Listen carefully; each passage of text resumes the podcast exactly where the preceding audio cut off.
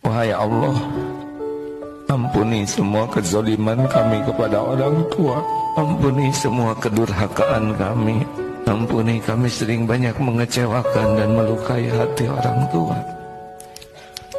Kami mohon golongkan kami jadi anak yang soleh, soleha, hafiz, hafizah.